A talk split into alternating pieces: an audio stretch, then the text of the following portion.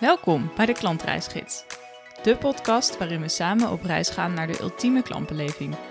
Als Customer en Employee Experience Manager bij een skill-up weet ik als geen ander hoe uitdagend het kan zijn om de klanttevredenheid op een hoog niveau te houden en te laten groeien.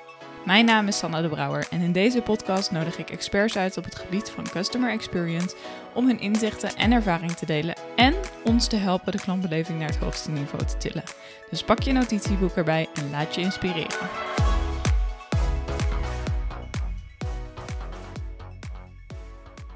Welkom Arjen. Wat Ja. leuk dat je bij mij in de podcast wil zitten. Ja, heel graag. Bedankt voor de uitnodiging. Ja. Superleuk. Graag gedaan. Ja, want ik sprak jou op, eh, of ik sprak jou niet, maar ik zag jou op het even- evenement van Fijke Kats. Toen hij zijn eh, boek lanceerde. En eh, daardoor, nou, hij had me al een beetje ingelicht van, hey, het zou leuk zijn om, om met Arjen te praten. Maar daardoor werd ik nog enthousiaster. En toen hebben we maar eens even wat ingepland samen. Ja, superleuk. Echt Ja. heel leuk. Leuk dat je nou ja, bij ons op kantoor Ja. bent om, om de podcast op te nemen. Heel leuk, Dus, eh, ja. Gaaf. Dankjewel. Ja. Ja. ja, ik begin altijd eigenlijk met de vraag: eh, wie ben jij en waar is jouw klantreis eigenlijk zelf begonnen? Ja, ja, dan eh, gaan we, gaan we inmiddels 42 jaar terug. Mhm. want mijn klantreis is begonnen in Doesburg, want daar ben ik geboren. Mhm. En eh, opgegroeid in, in Doesburg. En zoon van, van Henk en Ria, dat zijn mijn ouders. En inmiddels ben ik ook al eh, heel lang getrouwd eh, met Arusha. En heb ik twee kinderen. En eh, ik ben ooit op mijn achttiende ben ik naar Rotterdam vertrokken. Dus mijn reis vervolgd. En bedrijfskunde hier gaan studeren aan de Erasmus Universiteit. Ja, en zoals ze hier noemen, ik ben import Rotterdammer. Ja. Ik ben geen echte Rotterdammer, maar ik ben wel na mijn studie blijven plakken. En nou, inderdaad, wat ik zei, ik ben met Arusha getrouwd. En ik heb een, ik heb een dochter en, en een zoon. Eentje van tien en eentje van vier, Zoe en Kai. Ja, zo is mijn reis eh, begonnen. Ja, En Intergon is eigenlijk ook al eh, vrij snel op mijn pad gekomen in die reis. Mhm. en op een gegeven moment tijdens je studie, dan ga je natuurlijk, je gaat een bijbaantje doen, je gaat, je gaat hier in de horeca werken. Ja. Op een gegeven moment denk je wel in je, in je derde, vierde jaar van ja, nu moet het wel iets qua raakvlak gaan hebben en betekenis met, met wat je studeert. Ja. En toen begon eigenlijk al heel snel het gevoel van ja, alles wat er ook in de horeca gebeurde, of, of überhaupt dat je klant bent van iets, dat je dacht van ja, dit is- levert toch best wel veel frustraties op. Dit kan beter, dit kan Mhm. anders.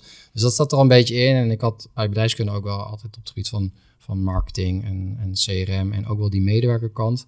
Ja, daar had ik wel zoiets van, ja, daar zit volgens mij iets. ja, Dus toen ben ik gaan zoeken op een gegeven moment eh, in mijn derde, vierde jaar naar, naar ja, meer een bijbaan van betekenis. En toen ben ik gaan kijken, hey, wat voor onderzoeksbureaus zitten er in Rotterdam. ja. En toen ben ik bij Intergom beland. Cool. En eh, ja, daar zit ik nog steeds. In een Ja. hele andere rol als dat ik ooit ben begonnen natuurlijk. Maar Ja. dat is hoe mijn, eh, hoe mijn reis eigenlijk van geboorte tot Ja, nou, in, een, in een enorme no- eh, sneltreinvaart eh, vertelt dan. Eh, Ja. tof. Ja.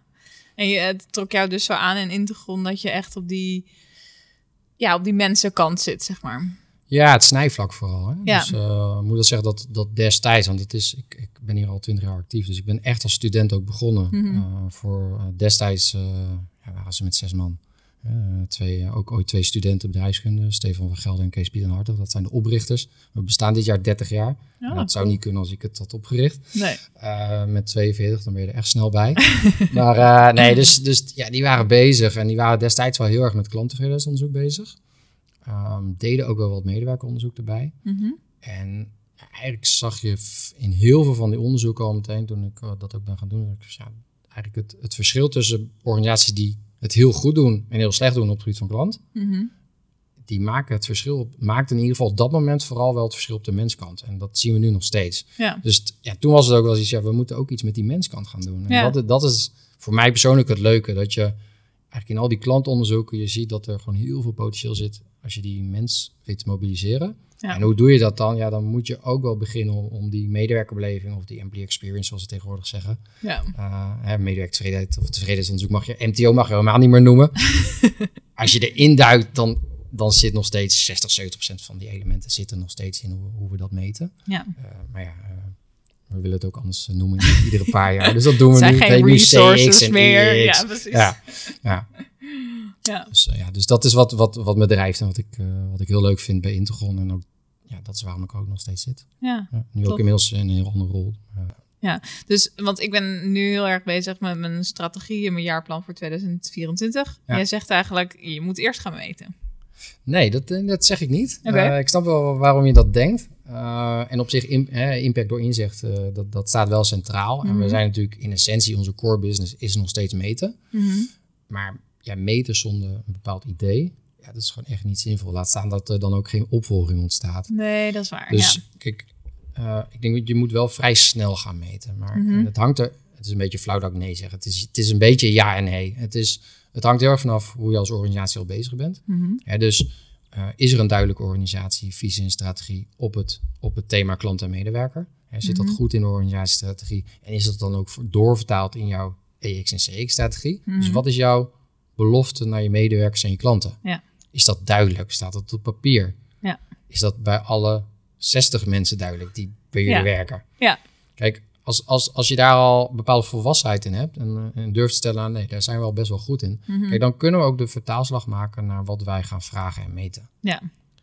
En natuurlijk, we hebben standaard vragenlijsten, maar het is natuurlijk wel lekker dat die klant of medewerker zich herkent in wat je hem vraagt. Ja. En dat je daar ook focus in aanbrengt. ja, precies. Dus als je, als, je, als je daar al wat verder in bent, dan zou ik zeggen, hey, morgen meten. Mhm. Maar inmiddels durven wij ook wel te roepen van, hey, doe maar even een stapje terug. En, en ga nou eens komende drie tot zes maanden eerst eens wat tijd besteden aan het doorvertalen van je organisatiestrategie naar je Ja. CX en EX-strategie. Dat hoeft echt niet zo'n pakket te worden. Nee. Maar gewoon, en, en, en, en durf ook een bepaalde belofte te doen, Mhm. waar je misschien ook wel weer tijd koopt door die st- bekende stip op de horizon te zetten. Ja. En die zetten wij dus graag nu in ieder geval drie jaar verder met Mhm. onze opdrachtgevers. Dat, maar dat zou je ook voor jezelf vooral moeten doen. Ja. Dus, maar dan wel snel meten. En dan is het denk ik, de, de stap is wel snel. Al je klanten, al je medewerkers.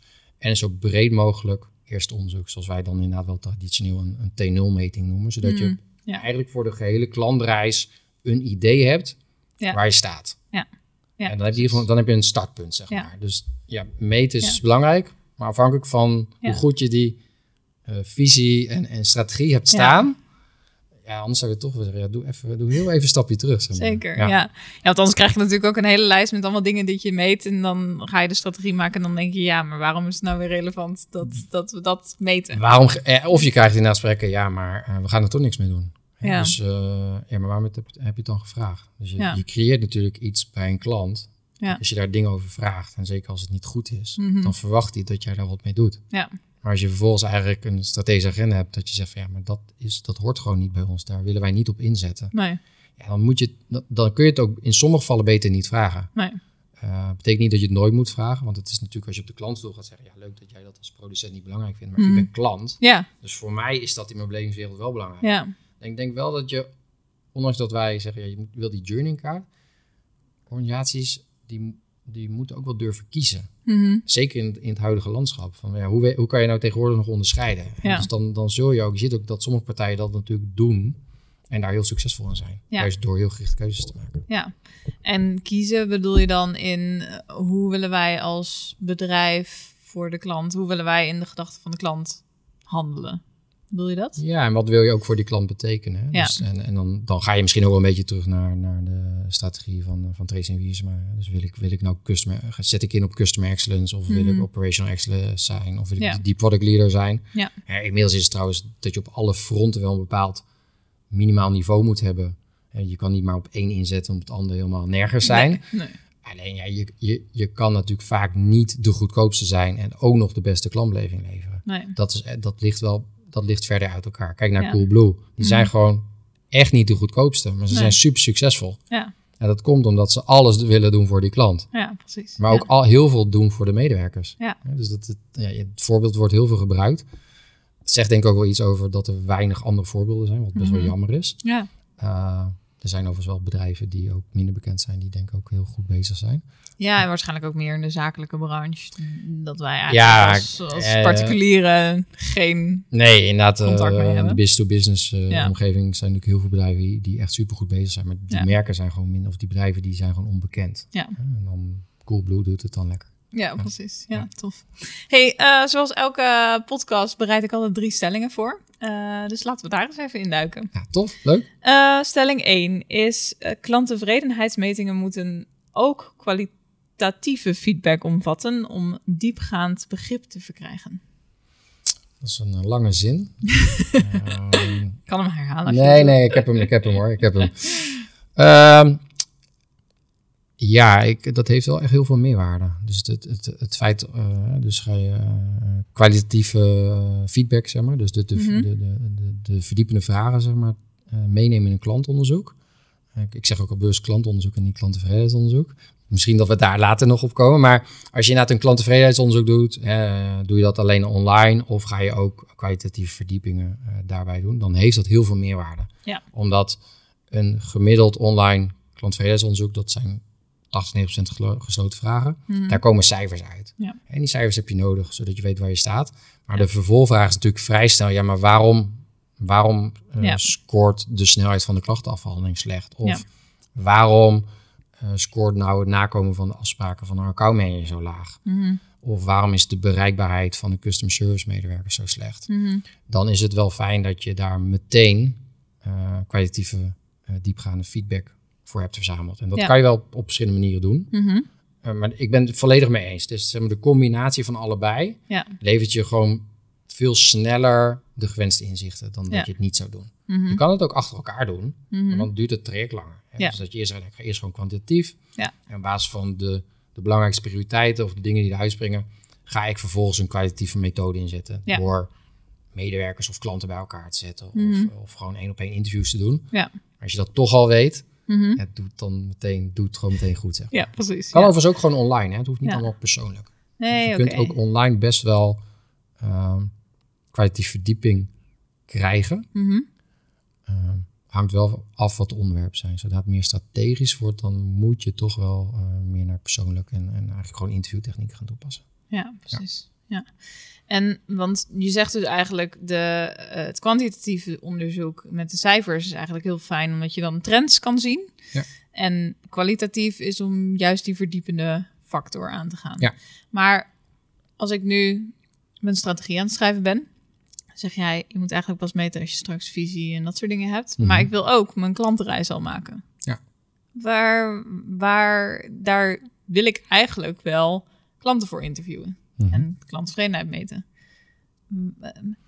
Ik ben een beetje op zoek naar een tijdlijn. Ja, snap ik. Ja, ja. maar heb, ik, ik kan me mij niet voorstellen dat jullie al iets van een visie en een strategie hebben, hebben op we dit, zeker, op dit alleen onderwerp dat- en thema. Dat hè? is dus, niet goed geïmplementeerd, of tenminste... Nee, maar de- kijk, dat, dat kan je ook altijd wel enigszins herijken op Ja. basis van feedback die je krijgt. Kijk, het is Ja. niet zo dat ik zeg, het moet een, een, een visie- en strategieplan moet al volledig zijn uitgehard. En, Nee, oké. Maar er moet wel enige richting in zitten, dat je Ja. snapt waarom je doet wat je doet. Ja. En dat, de, dat je ook je organisatie snapt waarom jij je bezighoudt met CEX. Ja. Of waarom jij die klanten zo graag wil gaan bevragen. Ja.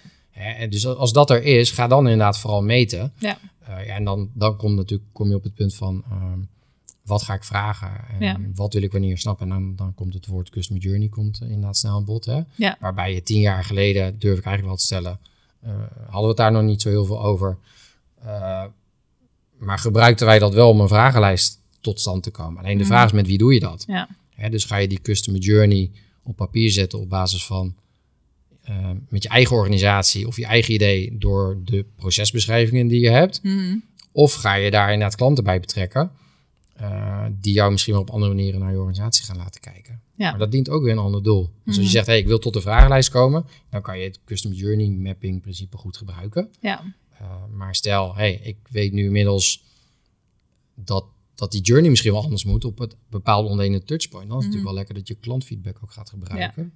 Maar dan gaat het eigenlijk bijna meer naar redesign toe. Dus Ja. je kunt het, het, het woord of het begrip customer journey mappen inmiddels wordt ook voor heel veel verschillende manieren gebruikt. Dus Mhm. waarom, waar heb je het nu over? Ja. Eh, doen we dit voor de vragenlijst? Doen we dit omdat we de organisatie mee willen krijgen en dat we überhaupt eh, finance en sales en dat, al die silootjes willen laten begrijpen Mhm. hoe dit totale reis eruit ziet? Mhm. Of doen we het omdat we inmiddels weten dat eh, op het gebied van klachtafhandeling er een aantal processen zitten Mhm. eh, waarvan die klanten eigenlijk allemaal al roepen, sloop dat en dat proces eruit, dan gaat het sneller, beter en foutlozer. Ja. En dan gaat het over het redesignen van je journey, Ja. het delen van je Ja, journey. precies. Ja. Ja. Dus maar waar, waar, je, ja, waar je start, ehm, kijk, uiteindelijk moet je wel gewoon lekker met klanten gaan praten. Ja. En moet je die feedback gewoon gaan verzamelen. Ja. En, eh, en ik zou het dan wel altijd combineren, kwantitatief en kwalitatief. Ja, dus niet ehm, heel... Je, je wil het eigenlijk wel heel erg algemeen houden. Dus niet heel specifiek zeggen: oké, ik ga nu, we gaan ons nu komend kwartaal focussen op de onboarding. Uh, dus we willen alleen klanten die net uit de onboarding zijn en daar kwalitatieve feedback. Je zou het eigenlijk adviseren om het altijd ook te combineren. Ja, tenzij jullie uh, goede, betrouwbare data hebben. Ja. Uh, waaruit blijkt dat jullie een waarbij klanten zeer ontevreden en niet blij zijn over het onboardingstraject. Ja. dus als er hiervoor al een keer een onderzoek gedaan is, hè, dat, dat bredere onderzoek, waar ik zeg, ja, het starten, starten met een zo breed mogelijk onderzoek. En je ziet dat het klant worden of net klant zijn een probleemstuk is versus de rest van de journey. Hmm. Ja, dan zeggen wij, hey, ga daar inderdaad de focus op zoeken.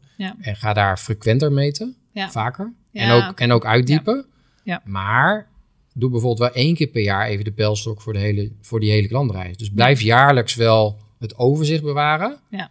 Want uiteindelijk, weet je ook, als je dit oplost, dan wordt wel weer iets anders belangrijk voor die klant. Ja, dat zien we ook. Wij, wij meten met tevredenheid en belang in die journey, waardoor je prioriteitenmatrices gaat oh, krijgen. Dat is wel interessant.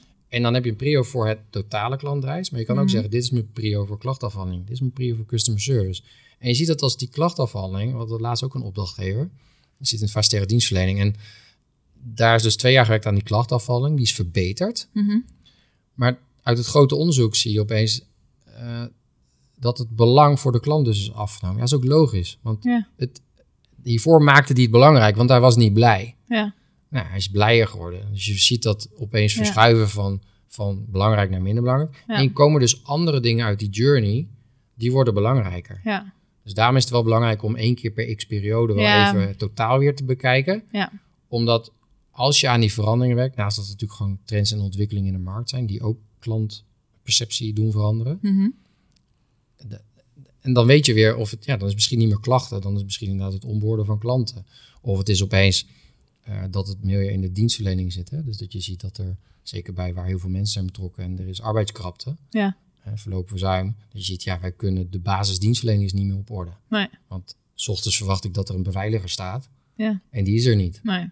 Of die schoonmaker, die is er ook niet. Mhm. Ja, ik noem nu weer twee voorbeelden uit fase sterre dienstverlening. Maar Ja. dat, dat geldt natuurlijk ook in een customer service die Zeker. is. Hè? En, waardoor precies. je veel langer moet wachten. Ja, zeker. Eh, stelling 2 is CX en EX-strategie begint bij meten. Maar dat hebben we al beantwoord.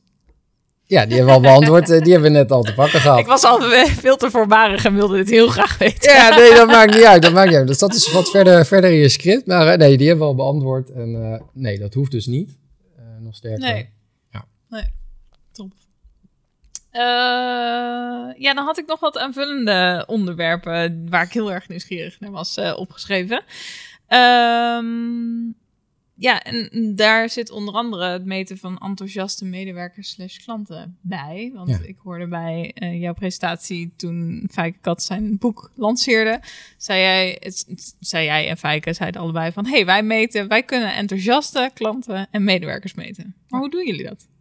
Ja, het op, op zich is dat vrij simpel. Hè. De, de, de, er is gewoon één, in ieder geval naar ons visie en idee, is daar één Mhm. duidelijke meetmethode voor. En dat is, dat is de, de NPS-gedachte. Ja. Dus eh, net promoterscore eh, verhaal. Eh, waarbij je gewoon vraagt van ja, in welke mate zou jij organisatie X of Y aanbevelen aan, aan je netwerk, hè, aan Ja. relaties aan vrienden. Ja. En dat kun je, diezelfde vraag kun je aan een medewerker stellen. Ja. Dus in welke mate zou je Integral aanbevelen aan vrienden of kennissen om, eh, om, om daar te, eh, te gaan of te komen werken. Ja. Ja. En ja, daar komt een saldo uit. En dan weet je, weet je waar je staat. Kijk, dat saldo op zichzelf is ook weer alleen maar een resultaat. resultaat. Net zoals je net tevredenheidscijfers had. Ja. Die 7 of die 8. Het is fijn om het te weten. Mhm. Maar je weet nog steeds niet hoe je nou van Nee. een min 10 naar een plus 50 komt. Nee. En dus de slag vrij snel slaan naar als iemand zegt, joh, ik geef jou een 9 of een 10. Dus dan hebben we weer over het stukje hiervoor, hè, die kwalitatieve Mhm. verdieping. Mhm. Die is bij enthousiasme meten misschien nog wel belangrijker dan bij tevredenheid meten. Mhm. Want je wil heel goed begrijpen wat een promotor drijft Ja. en wat een passieve klant. Hè, waarom is die nou passief? Waarom Ja. is die, en waarschijnlijk is die, die passieve klant is waarschijnlijk wel tevreden, Mhm. maar niet echt enthousiast. Nee, precies. En dus de kans op klant blijven en, en loyaliteit, ja, die is ook gewoon zeven keer lager voor een passieve klant dan voor een promotor. Ja.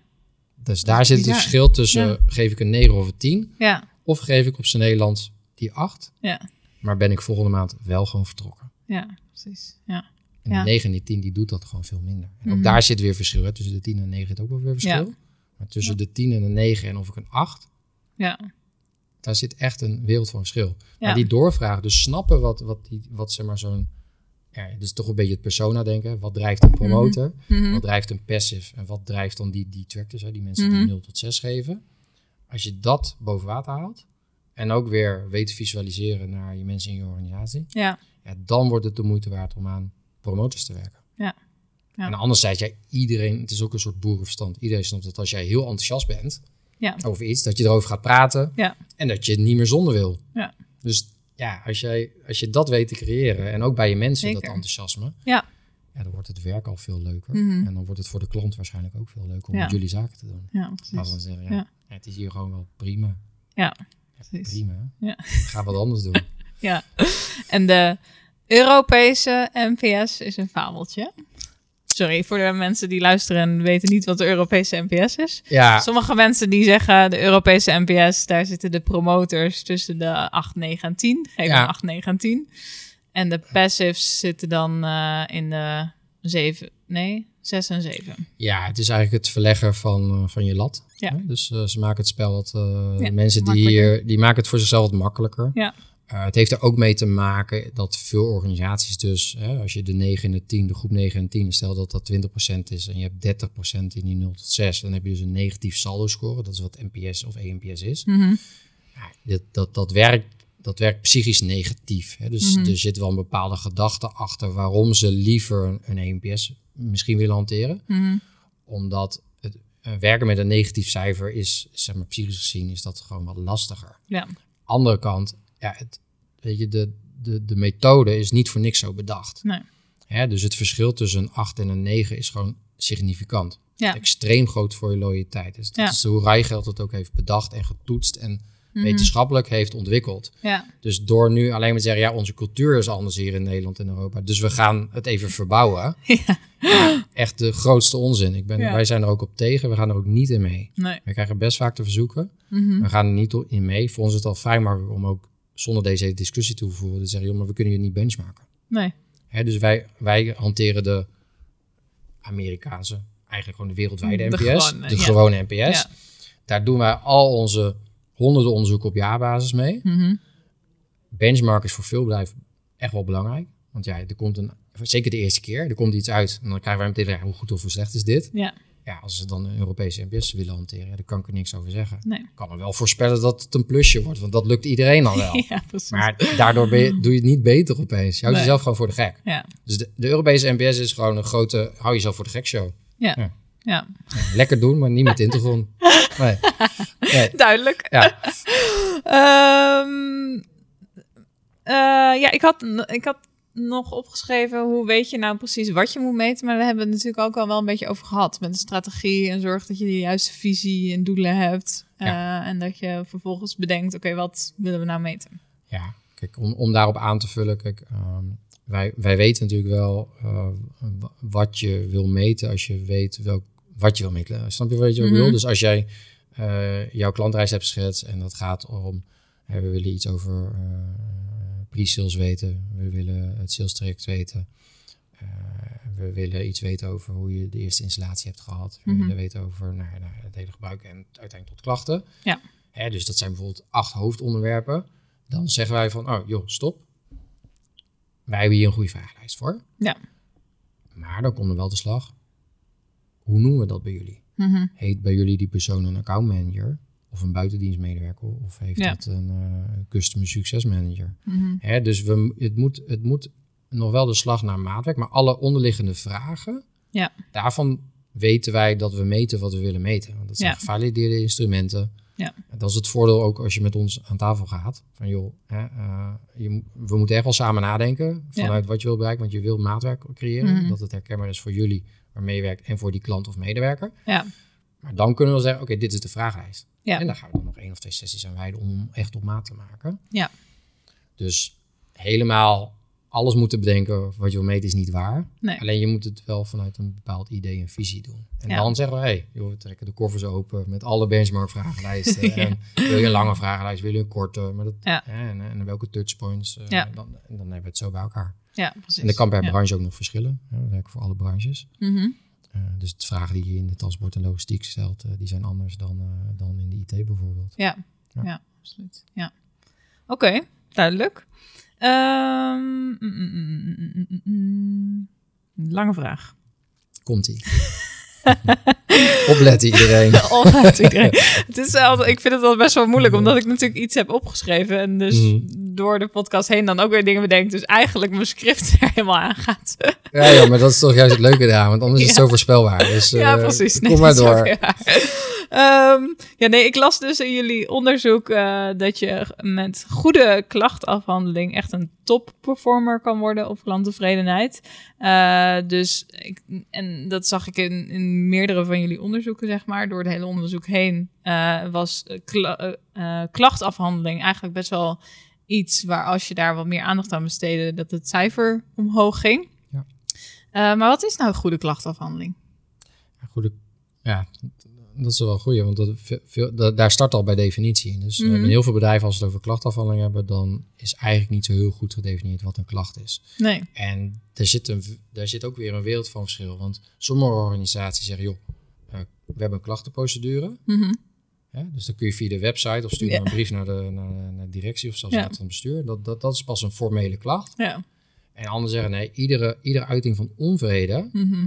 Eigenlijk ontevredenheid, dat Ja. vinden wij ook al een klacht. Dus Ja. er, er zijn bedrijven die er zo in zitten. En er zijn bedrijven die zeggen, wij willen gewoon geen klachten, dus we maken het zo moeilijk mogelijk. En we hebben een klachtenprocedure waar, waarvan helemaal niet duidelijk is waar die staat en hoe het werkt. Ja. Dat, dat in dat spectrum bewegen wij met onze opdrachtgevers. Ja. Ik denk dat wij een beetje in het midden zitten. Mhm. Hè? Want eh, eh, kijk, een, een, een uiting van onvrede wil niet zeggen dat iemand een klacht heeft. Nee. Dat is te extreem. Dat kun je ook gewoon vaak gewoon heel makkelijk oplossen. Ja. Het is niet erg dat er kleine dingetjes niet goed gaan in je Nee. dienstverlening. Daar kan je gewoon over in gesprek. Dat hoef je Ja. niet meteen in onder de noemer Nee. klacht. Precies. Als het, als het wat heftiger is of, of, of eh, een grotere afwijking is van je gewenste dienstverlening, dan moet je het ook niet een klachtenprocedure per se insturen. Nee. Want je wil natuurlijk vooral dat als een klant een klacht heeft, dat die gewoon direct geholpen wordt. Dat is eigenlijk de essentie van een goede klachtafhandeling, is dat die meteen geholpen wordt. Ja. En dat die niet in een of ander bureaucratisch systeem wordt geduwd, Nee. waar die drie of vier weken moet wachten, totdat Ja. iemand hopelijk een keer zijn brief die die moest posten, Mhm. omdat het anders niet wordt aangenomen, Ja. dat dan zijn klachtinwandeling wordt genomen. En dat duurt dan waarschijnlijk ook nog zes weken in de procedure. Ja. Dus dat is geen goede klachtafhandeling. Nee. Vinden dat alle kleinste elementen van een afwijking van service Mhm. is ook niet. Nee. Maar het zit hem wel in het midden. Ja. En dat maakt het misschien dan ook wel juist zo moeilijk voor Mhm. bedrijven om daarop te handelen. Want je wil wel dingen registreren. Hè, want je wil de, maar dat wil je vooral om te kunnen leren. Ja. Dus wij zeggen enerzijds, duik meteen op een klacht of een vorm van onvrede. Ga het gewoon fixen. Mhm. Ja. Meteen zo snel mogelijk in gesprek gaan, ook persoonlijk. Ja. Want het, we zijn gewoon allemaal mensen. Er zit waarschijnlijk gewoon een perceptie en emotie achter. Dat zie Ja. je ook heel vaak. Ja. Dat als jij met iemand gaat praten over zoiets, hè, of het nou persoonlijk of is in een telefoon, Mhm. En je luistert eerst gewoon even, je laat iemand even uitrazen, Ja. dan heeft het vaak helemaal niet te maken met dat ene puntje. Dan Nee. heeft het misschien wel te maken met wat hij daarvoor ook al zes maanden bij jouw bedrijf ervaart. Ja. Want dit is eigenlijk in zijn ogen al de tiende klacht die Ja, hij heeft. precies. Ja. Dus dit kleine incidentje van vandaag Ja. is misschien wel die bekende druppel. Mhm. En daar zie je vaak ook dat het dan fout gaat. Want je kan dus, sommige bedrijven zijn, die gaan dan heel erg investeren in hè, die snelle opvolging. Mhm. Ik, ik besteed nu aandacht. Mhm. Maar je moet natuurlijk uiteindelijk ook wel snappen wat er aan de hand is. Dus je- Ja. als, je, als je niet... Kijk, we meten ook eh, het aantal herhaalklachten. En daarin zie je, als er heel veel herhaalklachten zijn, dan is het dus geen lerende organisatie. Nee. En dan wordt het op termijn wel een hele slechte performance. Ja. Dus ik denk die top performance waar je het net over had, Mhm. die zijn enerzijds goed in snel op de bal zitten. Mhm. Maakt niet uit hoe of wat. Mensen, medewerkers hebben het mandaat om de shit voor de klant op te lossen op dat Mhm. moment. En dan hoeven dat niet ook allemaal eerst honderd keer te vragen aan iemand. Nee. Maar tegelijkertijd wordt er wel bijgehouden wat voor soort klachten er zijn. Mhm. En wordt er periodiek vanuit continuous improvement gedachte, worden elementen eruit gehaald. Ja. En wordt er ook een root cause analyse gedaan. Ja. Om het even simpel te maken. Kijk, een klacht is uiteindelijk maar een topje van de ijsberg of is een uiting van onvrede. Maar vaak heeft het te maken met iets eerder Ja. in de klantreis of in bepaalde processen. Mhm. Dus die beide zeg maar, verbeterloops, hè, dus enerzijds de individuele follow-up goed inrichten, maar ook de organisatie verbeterloop goed laten draaien en werken aan structurele verbetering, zodat die Ja. herhaalklachten eruit worden gehaald. Ja, ja precies. Ja. Als je dat allebei goed doet, Ja. dan word je topperformer. Maar de grap is, je kan ook, kijk, die klachtafhandeling, als je waarschijnlijk in, in je hebt het in het EX-rapport of een CX-rapport heb je het Mhm. natuurlijk gezien. Kijk, die hele klantreis scoort hoger bij een topperformer. Ja. Dus het, het grootste, grootste verschil zit inderdaad wel bij die klacht. Maar je ziet bijvoorbeeld ook bij de producten en diensten. Hè, dus gewoon de dagelijks, dat, de core van jouw business. Ja.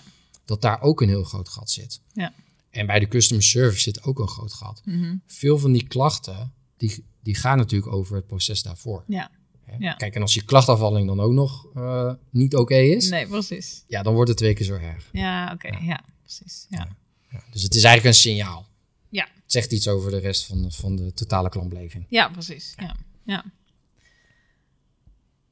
Oké. ehm, misschien hebben we dit net al heel even op over gehad. Maar ik had nog de vraag: hoe zorg je er nou voor dat klanten en medewerkers niet enquête moe worden?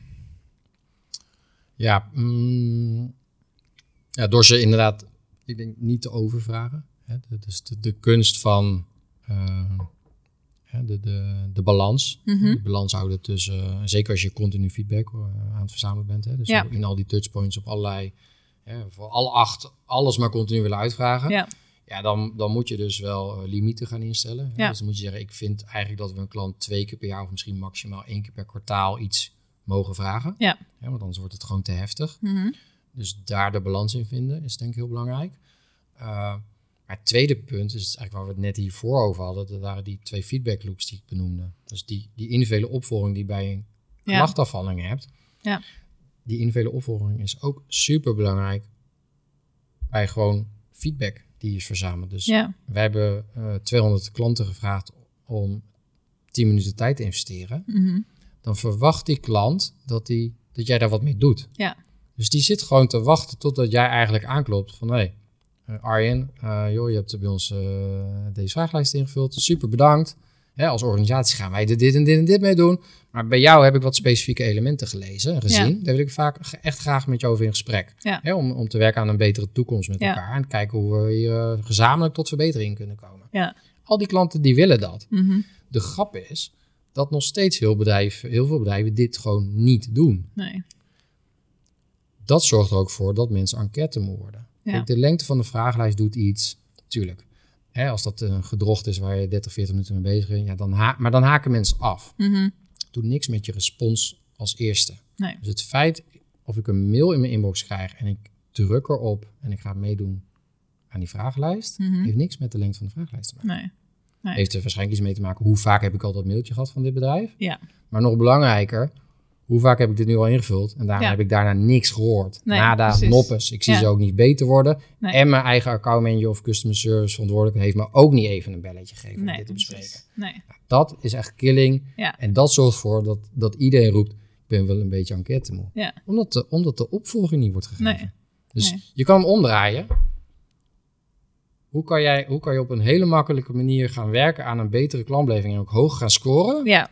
Volg gewoon super simpel je klantfeedback op. Ja. Zorg ervoor dat als jij een onderzoek hebt gedaan, dat je al je klanten belt. Ja.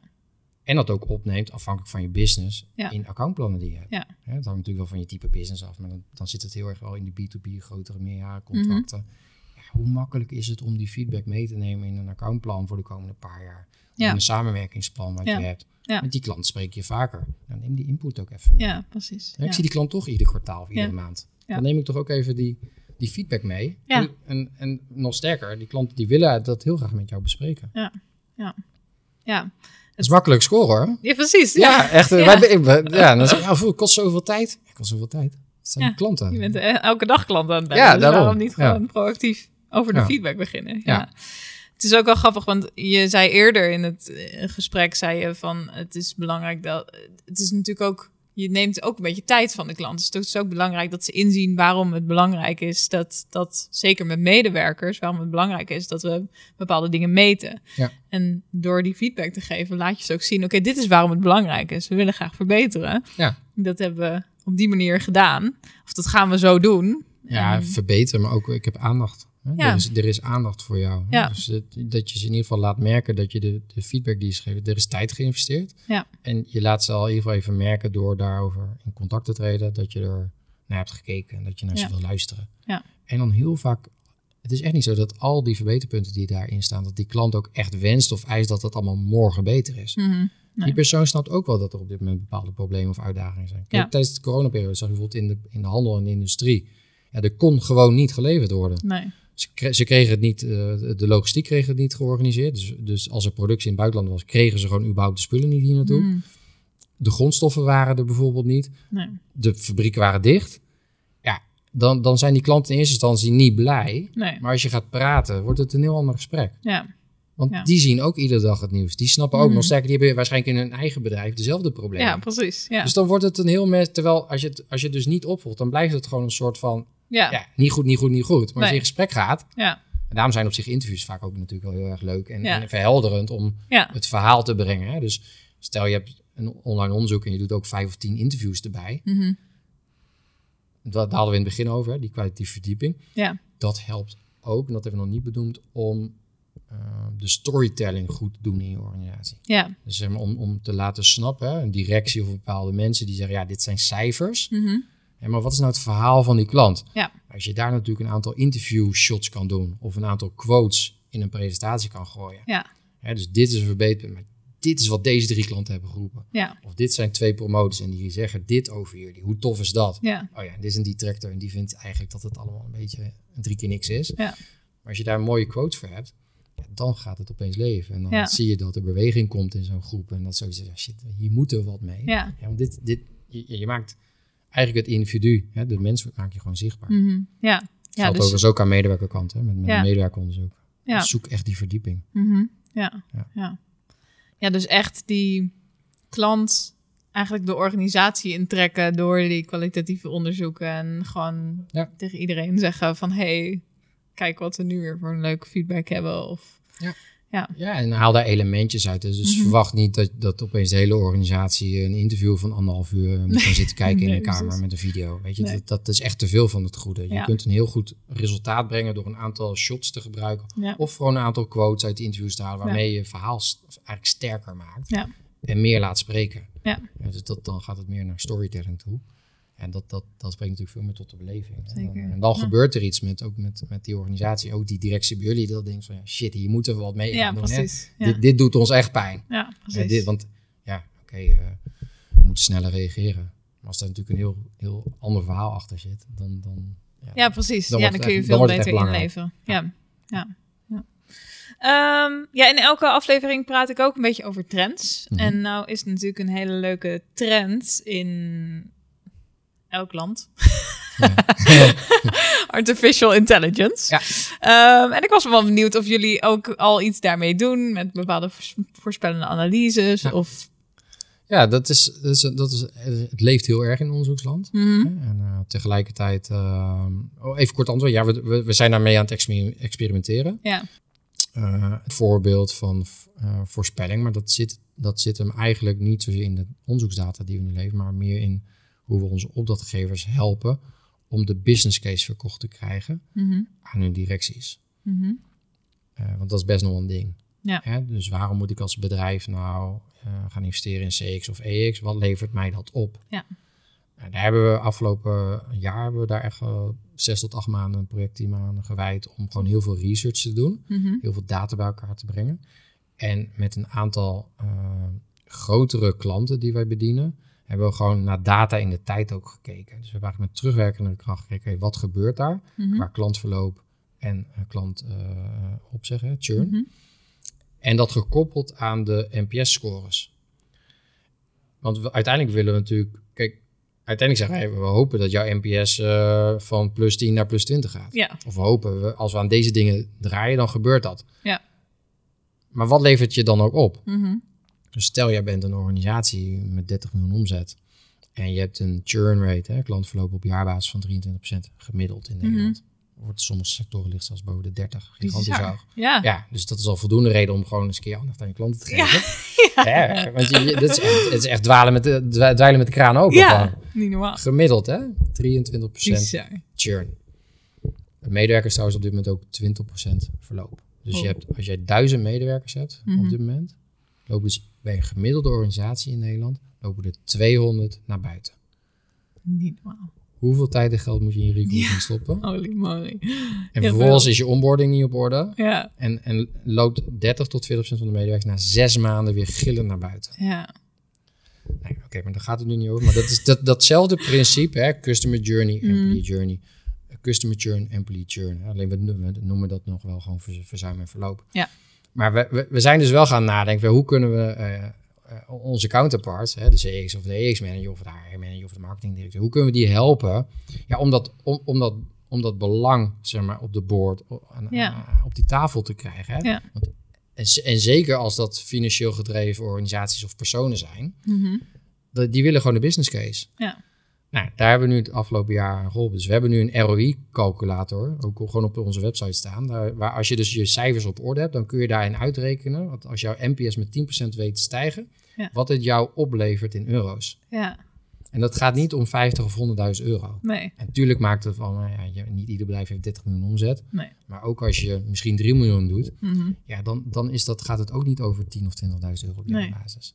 Nee. Nou, d- als je dat, hè, naast gewoon de common sense dat je gewoon iets goeds voor je klant en je medewerkers wil doen, Ja, maar als je dat dan toch financieel moet maken. Ja. Dus daar zit wel een soort van eh, gecalculeerd eh, berekening effect achter, waar- Ja. die dus gaat voorspellen als jij je NPS of NPS weet stijgen in 5 tot 10 punten, ja. hoeveel besparing je het oplevert. Bizar. Cool. Ja, super tof. Ja. Nee, we zitten best wel aan de tijd. Dus Oké. ik ga ze eventjes afronden. Ehm, wat ik hier eigenlijk heel erg uithaal is dat eh, ik nog meer eigenlijk het, de vertaalslag moet maken van, van eh, de nul of de, de metingen zeg maar naar de medewerkers en hoe ik dat nog meer met de medewerkers zeg maar kan communiceren, Ja. waardoor ik ze meer kan eh, eh, motiveren eigenlijk om bepaalde dingen wel of niet te doen en ook vanuit die strategie die ik nu ga maken inderdaad. Ehm, en dat interviews gewoon echt, of ja, kwalitatieve feedback gewoon echt wel heel erg belangrijk is. En juist ook de opvolging, dus de feedback achteraf, zeg maar die hele loop naar de klant toe. Dat dat ook gewoon heel erg belangrijk is om te zorgen dat klanten wel willen blijven feedback geven. Ja.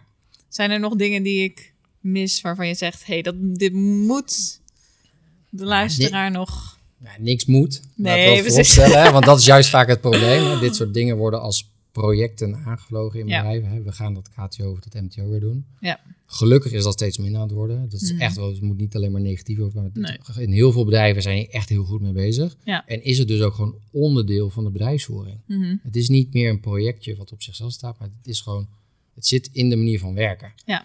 Het, het, het, het zit in de kernwaarden.